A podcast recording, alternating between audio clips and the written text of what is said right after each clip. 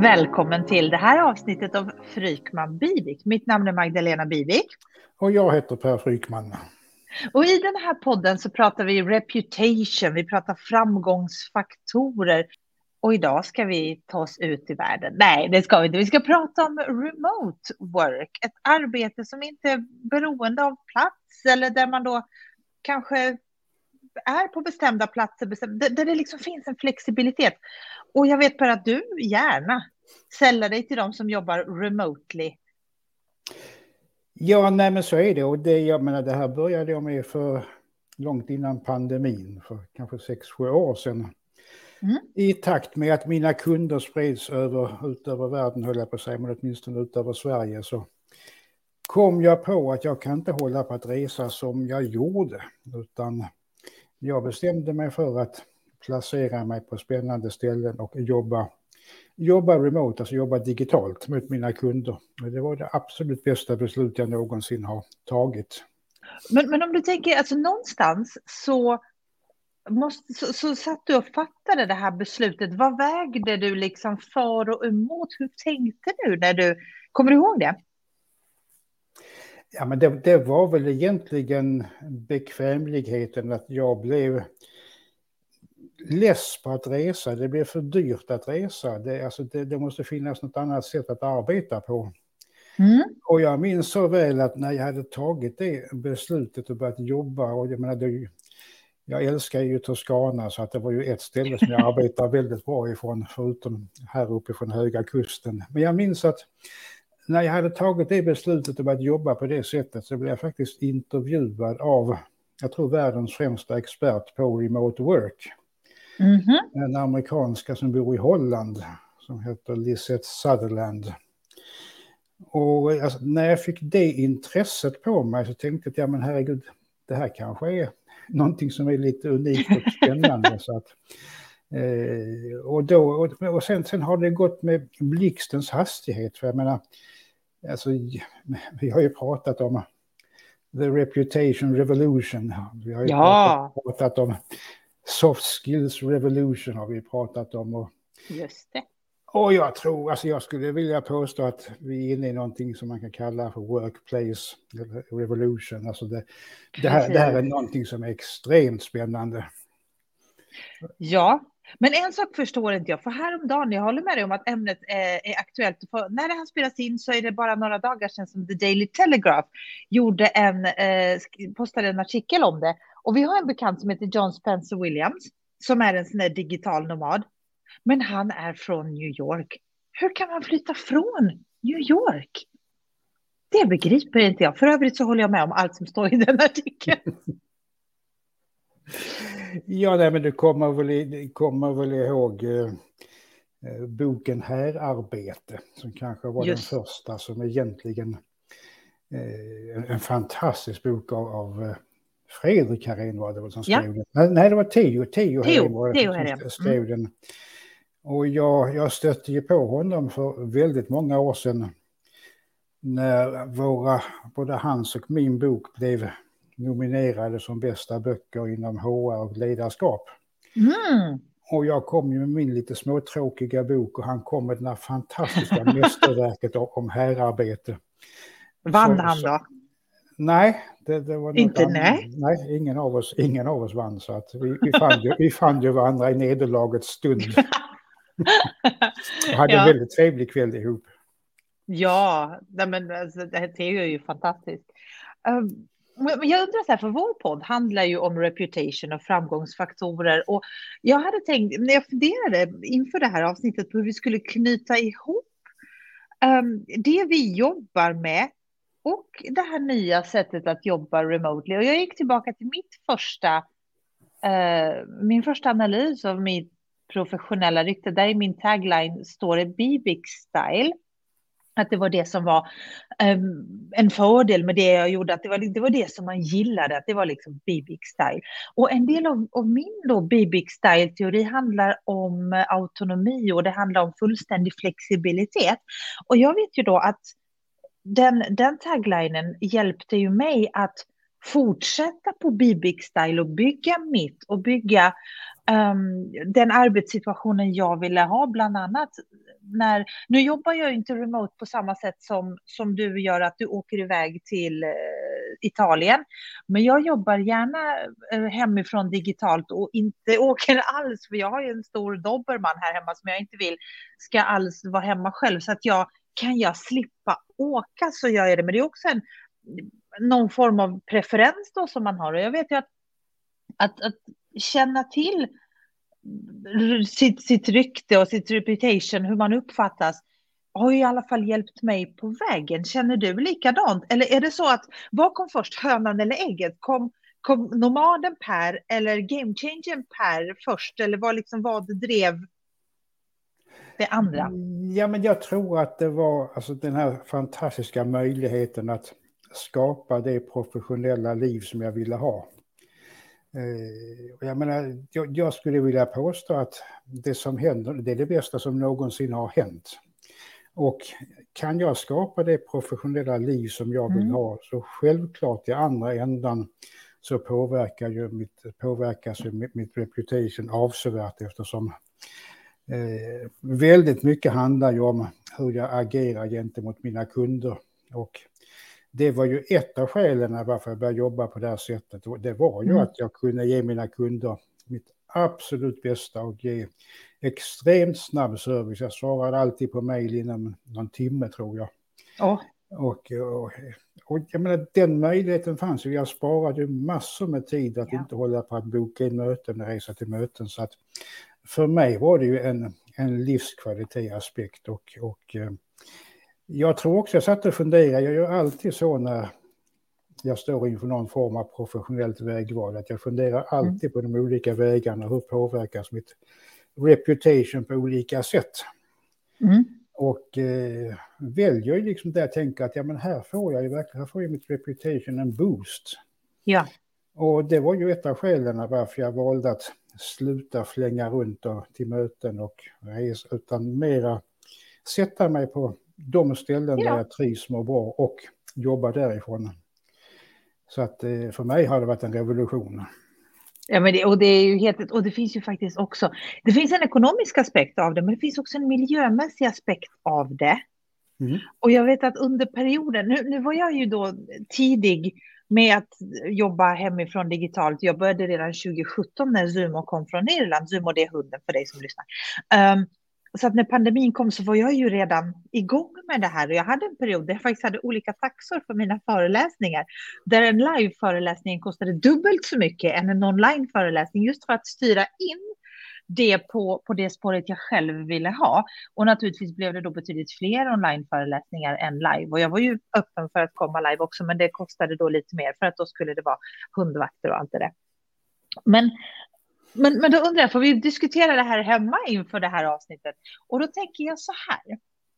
Är det, är det då flex, eller är det den egna preferensen och säg då och önskan om flexibilitet som bygger kvaliteten som levereras till kunder och därav byggs ett reputation? Eller är det så att man bygger upp ett reputation först för att sen kunna vara så flexibel man vill? Vad kommer först? Jag, jag ställde ju frågan om ditt, men nu vill jag höra generellt. Vad tror du, om, om man då önskar, om man sitter där och, och drömmer om en viss typ av flexibilitet eller om viss typ av ja, men professionell miljö. Um, ska man, alltså, vad, vilken ordning liksom? Nej, men jag, jag, tror inte det finns någon ordning alls, utan jag menar, allting interagerar med vartannat. Får man den här mm. livskvaliteten... Jag, jag, var faktiskt ute och slog in frågan på, på ChatGPT. Alltså, vänta, det, för dig som lyssnar, Per är ju vår tech-savvy ChatGPT-expert. Jag har ännu inte blivit insläppt. Förstå skandal. Jag ska snart börja höra av mig och säga Nej, men det, var, det, det, var rätt intressant att bara ställa frågan. Alltså, ja. Vad är fördelarna med att arbeta remote? Och, och, vad sa ChatGPT ja, men Det kom upp då, alltså öka, ökad produktivitet. Absolut. Minskade kostnader. Ja. Förbättrad livskvalitet. Mm. Och på företagsbasis tillgång till en global talangpool. Ja, absolut. Och jag menar, alltså, det här är precis det som händer. Och, och eh, jag menar, vad kan, vad annat kan leva upp till det här? Och jag menar, det, det kom ju en hel, kom på det här att när begreppet giggare föddes. Ja.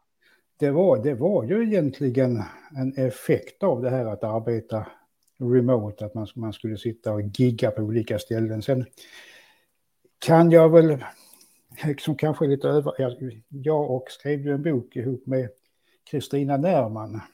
Just. Som hette If you dig it, gig it. Kristina är ju för övrigt drottning av titlar och, ja. och copy och rubriker. Hon är helt fantastisk på ja, det. Det var, det, klart. det var hon som kom på den, eller hur? Ja, vi, vi, vi var ute och gick runt, runt Kungsholmen i Stockholm och så for det bara in i huvudet på oss någonstans. Så att, ah, if you dig it, gig it, är det roligt. Ja, det var ju 100, 120 idéer kring framtidens arbetsliv och den kom väl för 6, 7, 8 år sedan. Ja. Så att där var vi lite före vår tid faktiskt. Mm. Men, men vad som är lite överraskande kanske är att jag känner idag att jag gillar inte ordet giggare längre. Vet du, det gör inte jag heller. Jag har aldrig gjort det faktiskt. Jag tycker att det är ett tämligen fult ord. Ja. Och det har, fått, det har ju fått en negativ klang så att jag, jag kommer ju på mig själv att jag, och det kanske är när jag plockade upp Daniel Pinks bok, eh, heter den Free Agent Nation. Ah, ja, ja, ja. Som jag istället använder begreppet fria agenter. Ja. För det, det tycker jag är ett mycket, mycket bättre namn än en giggare. Och, så att, och den här skrevs någon gång i början på 2000-talet. Ja, Daniel så, Pink brukar också vara före sin tid. Ja. Så där finns ju också den här starten till det här att arbeta remote. För att som, som fri agent så kan man ja, jobbar man ju mot bolag över hela världen. Ja, sen, sen är det förstås inte alla som... Var som helst. Ja, men sen är det förstås inte alla som vill det heller. Oh, nej. Det, det finns ju de som, som absolut inte tilltalas av den livsstilen. De får lyssna på ett annat avsnitt av Fredrik Bibig. Välkommen tillbaka. Men hur, Finns det någon nackdel då, om vi nu stannar kvar vid det här en stund, med att jobba remotely? Vad, vad skulle kunna vara... Vad, varför skulle man då inte göra det i så fall? Och då vill jag ha just reputation-perspektivet. Ja, alltså jag kan inte hitta några nackdelar faktiskt. Ehm, inte jag, faktiskt För inte jag heller. Så nu... Då, då, hade jag, då hade jag inte fortsatt att jobba på det här sättet. Nej. Utan, utan ehm, det, det, är klart att det, den sociala biten kan vara en nackdel, för det är ju väldigt kul att också träffa folk spännande människor live. Så att, så att, eh, där Fast kan det man får ju... du ju göra, du vet, i Italien eller var du nu befinner alltså, Det blir ju en annan, det, det är det som också bygger på de där alltså framgångsfaktorerna som social kompetens. Mm. Jag hänger ju, där jag befinner mig, du som lyssnar kanske inte riktigt vet geografiskt, bara, liksom, jag befinner mig i Lund, Per befinner sig just nu i Härnösand. I, i, när detta sänds då, så är jag på väg till Stockholm i bil och Per, du är fortfarande i Härnösand, men du är också... På, jag menar, vi, vi flänger ju också lite grann. Och um, hade vi bara umgåtts med de människorna där vi befinner oss liksom på samma ställe hela tiden, då, då är ju en av de fram, mest viktigaste framgångsfaktorerna som social kompetens kanske liksom lite... Menar, om du inte får träffa olika typer av människor, då växer du inte själv. Mm. Nej, men jag försökte leta efter någon nackdel eftersom du frågade. Ja, ja men för att det ska vara bra radio så måste man vara oense. ja, nej, nej, det... vi är inte oense där, utan jag, jag verkligen nej. sökte efter någon nackdel för att eh, jag menar, min, min erfarenhet efter, efter fem, sex eller sex, sju år kanske jobba på det här sättet, det, är ju mm. enbart positivt. Ja, nej, men alltså, jag, jag skulle ju aldrig få jobba med den mängden spridda och spännande kunder som jag gör nu när jag arbetar med reputation och, och gör de här Nej. analyserna. För jag, menar, jag sitter och jobbar i, i princip i åtta länder. Och skulle allt det initieras av ett möte så skulle det ju aldrig kunna ske. Nej. Utan det är, så det är ett extremt spännande sätt att arbeta på tycker jag. Och jag vill påstå att alltså, det här sättet att arbeta det är the next big thing inom arbetslivet. Ja, det nya normala. Men, men då, då, antar jag att du har synpunkter på de cheferna som tvingar in folk till kontoret efter pandemin? Alltså, det finns, finns säkert anledningar till det, men, men, men hade jag varit en av dem så hade jag nog bytt, bytt arbetsplats. För att, alltså, det har ju blivit en väldigt konstig diskussion kring det här med arbeta remote. För det, det är ett, man pratar ju antingen kontoret eller att jobba, jobba hemifrån. Mm -hmm. Och eh, ibland på något tredje ställe. Och den enda diskussion som jag saknar där det är alltså från vilken plats kan jag ge mina kunder mitt absolut ja. bästa? För det är väl det ja. som är det avgörande. Ja, men visst är det det. Och, och jag, jag blir ju lite fundersam över den här diskussionen att cheferna misstror att folk drar igång en diskmaskin när de jobbar hemifrån. Jaha, alltså, gör det, perfekt. Ja, men so what? ja, men typ lite så. Typ, typ lite så. Nej, och jag menar för mig handlar det, jag upptäcker ju att jag har ju ingen som helst work-life balance, utan för mig är all, all, allting integrerat och, och ja. eh, det, för mig är det livskvalitet. Och jag, jag, varenda, jag vill påstå att varenda uns av det jag gör bygger mitt reputation vidare hela ja. tiden eftersom ja. Jag agerar på ett sätt där jag som sagt var ger mina kunder mitt, mitt absolut främsta hela tiden. Och självklart så bygger det mitt reputation vidare. För jag menar, mitt reputation byggs ju väldigt mycket av mina handlingar och hur jag agerar. Ja, visst är det så. Sen är det ju också rätt så läckert, tycker jag, rent personligt att jobba i jag vet, olika länder, olika tidszoner. Man, man blir lite, alltså in, helt internationell och och så, vi pratar väldigt mycket om att sticka ut och eh, senast nu så hade jag ett poddavsnitt om att inte vara generisk och du blir ju inte generisk när du, när du då får möjlighet att jobba med, med massa olika, men, typ, vi pratade i ett tidigare avsnitt om lite kulturella skillnader mellan, mellan människor då i olika länder när de tar emot sin analys och, och så vidare. Um, det, det, skapar ju, det, om inte det skulle skapa ditt reputation, då vet jag inte vad. Liksom. Ja, nej, nej, men så är det så att eh, Eh, för mig, alltså, det har aldrig funnits ett ögonblick när jag har ångrat det, det professionella valet. Och återigen, alltså, när jag gör de här valen så funderar jag alltid på hur mitt reputation påverkas. Yeah. Och, eh, nästan varenda gång så tar jag djärvare beslut. Ja. Eh, det händer spännande saker för jag tänker att ja, men här får jag ju, jag menar, har jag i mitt reputation att jag är game changer och pionjär, vilket jag glädjande nog har.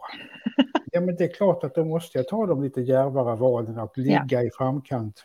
Inte som ett självändamål, utan på något sätt så hamnar jag där. Men det förväntas också av dig. Reputation bygger också på förväntan. Det förväntas av dig att du gör de där, att du fattar de där djärva besluten om du nu ska vara pionjär och game changer, för annars hade du inte varit det. Och, men, men framförallt, det handlar också om effektivitet och inte bara att göra sitt bästa, men också att kunna hjälpa så många som möjligt. Ska jag, jag kommer ihåg när jag reste till Irland för många år sedan nu för att föreläsa. Det tog, alltså, I kid you not, det var en resa på en halv dag för jag bytte i Stansted och där var det ofta, nu, nu planerade jag mina biljetter på så vis att jag skulle hinna äta lunch eller middag på Stansted-loungen för att det var praktiskt. Men då kunde det vara så att jag åkte på, det var innan hunden allihopa, uh, jag kunde åka vid åtta på morgonen och vara framme i Galway åtta på kvällen för att då dagen efter föreläsa i en timme för att sedan göra den här resan hem det var ju väldigt ineffektivt, tänker jag. Ja, även om det är trevligt att komma till Irland så, så, så ja. har det liksom inget... Det, nej, men det, det är alltså både miljömässigt och, ja. och tidsmässigt så så är det ju eh, ett egentligen organiserat vansinne. Ja, men, men, nu ska vi, nu ska, och jag ska försöka att göra detta liksom utan att låta krängig på något vis eller övertygande. Men det hjälpte ju mig att veta hur jag uppfattas för att kunna ta djärvare beslut. Och, jag, jag tolkar som att det hjälpte dig också. Um, och det, det, har ju lett oss på, på den vägen. Och nu jobbar vi med att ta fram folks reputation. Och det är såklart att jag tycker att alla i hela världen som är intresserade av det ska göra det. Um, om man då funderar på att ah, jag skulle vilja jobba på ett annat sätt. Um, då tycker jag att att en analys av sitt reputation skulle kunna ge en lite så här råg i ryggen eller Ehm, om det kanske kommer fram någonting helt annat i en analys och man kanske tänker att nej, mm, mm, mm, det kanske jag inte ska. Men, men kanske så är det så att man är att man får reda på saker om sig själv som man inte ens riktigt hade koll på, men som andra ser, som skulle kunna vara det som hjälper en att fatta det här beslutet att nej, nu vill jag ha mitt professionella liv på det här sättet, det här har jag alltid drömt om. Visst? Nej, men det är utan tvekan för att eh, du får en väldigt kraftfull indikation på din egentliga ja. kapacitet, alltså vad du skulle ja. kunna åstadkomma om du fullt ut nyttjar dina, din, dina nyckelfaktorer och, och framgångsfaktorer och, eh, och nyttjar alltså den, den expertis som du mm. upplevs ha och inte bara din tid. Så hela Precis. tiden får, får du indikationer på din kapacitet och där, där hittar du ju svaret på den frågan. Så återigen, utan att låta krängig, du som funderar på att jag skulle vilja ha mitt liv på, något sätt, på ett annat sätt, att jag skulle vilja kunna jobba annorlunda, fundera på att börja med att göra en analys av ditt reputation, för det kanske är precis det du behöver för att våga ta det här steget, tänker jag. Ja, nej, men ska så vi, är det. Så att, eh, ska, ska, vi knyta ihop säcken med det? Det var, det var en bra knorr, visst var det ja, här? Absolut. Vi, vi pausar där, kära lyssnare. Vi hörs igen nästa torsdag. Och Per, och nu ska vi då avsluta lite international sådär. Och i internationella poddar så brukar de säga så här, okej, okay, I've been Magdalena Bivik. And I've been Per Frykman. Ah, det är fint. Vi hörs nästa vecka. Ha det gott. Hej. Hej då.